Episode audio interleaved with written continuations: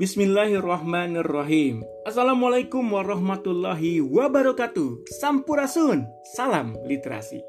Alhamdulillah kembali Ayah Salwa menemui hadirin yang berbahagia, para pendengar di mana pun berada, masih dalam program Kisah Ramadan bareng Ayah Salwa. Ini merupakan program dari TBM AS Lebakwangi bekerja sama dengan Dinas Arsip dan Perpustakaan di Sarpus, Kabupaten Bandung. Disiarkan dari Perumahan Lebakwangi Asri, RW 13, Desa Lebakwangi, Kecamatan Arjasari, Kabupaten Bandung, Provinsi Jawa Barat.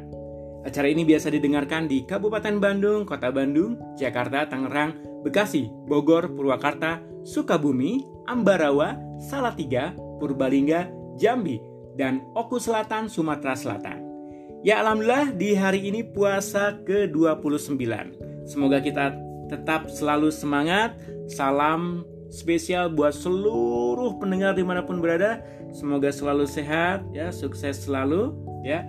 Dan kita masih membacakan kisah dari sebuah buku, buku yang keren banget tentunya, ya. Buku yang berjudul Muhammad Teladanku Jilid 8 Perang Uhud ditulis oleh K. Eka Wardana dan tim Syamil. Buku ini diterbitkan oleh PT Samil Cipta Media dan didistribusikan oleh Samil Duta Ilmu. Yuk, mari kita simak kisah Ramadan bersama Ayah Salwa. Mengejar musuh. Hadirin yang berbahagia, Rasulullah mengetahui bahwa orang-orang penyembah berhala, kaum munafik, dan orang-orang Yahudi mulai menertawakan kekalahan kaum muslimin di perang Uhud. Muhammad bilang kalau perang Badar itu merupakan tanda kekuasaan Tuhan mereka atas kerasulannya.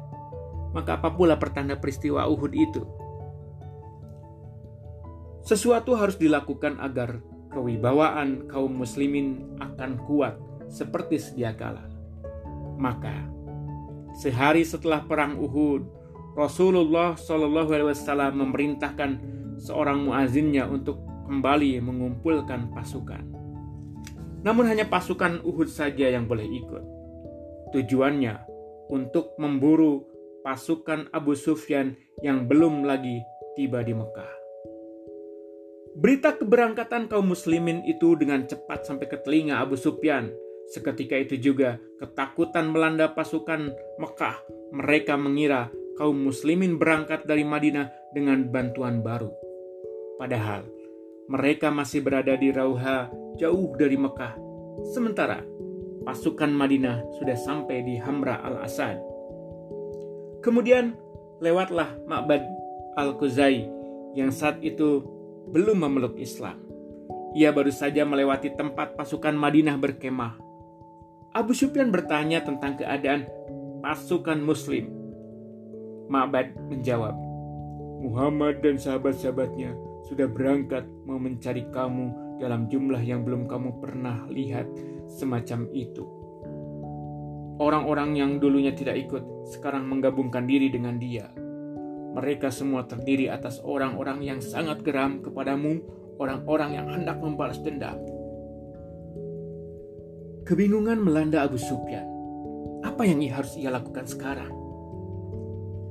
Orang Arab pasti akan mencemooh apabila seorang pasukan Quraisy mundur begitu saja, padahal baru saja mereka merebut kemenangan.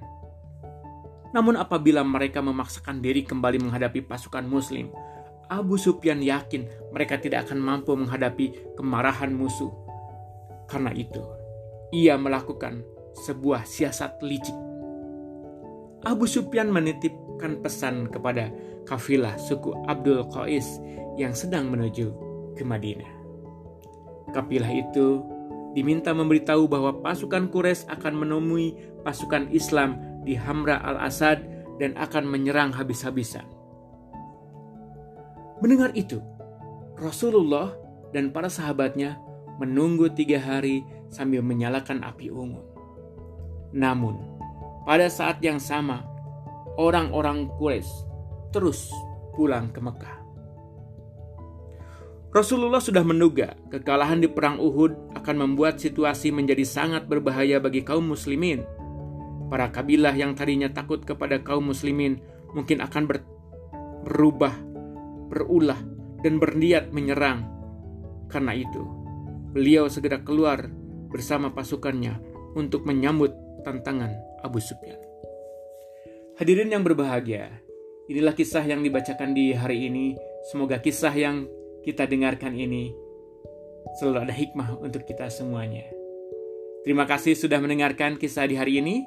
Semoga mendengarkan tidak hanya dengan dua telinga saja, tapi kita mendengarkan dengan hati kita. Acara ini didukung oleh Forum TBM Jawa Barat, Forum TBM Kabupaten Bandung, Majalah Pendidikan Majalah Geliat Gemilang, website real.id, website penamisterbams.id, serta RW13 Lebak Wangi Asri. Saya Ayah Salwa beserta kru undur pamit. Ada Ibu Salwa, ada Kakak Salwa yang selalu setia menemani acara ini sehingga acara ini bisa berjalan dengan lancar dan baik. Selamat melaksanakan saum di hari ini. Semoga saum di hari ini selalu berkah untuk kita semuanya.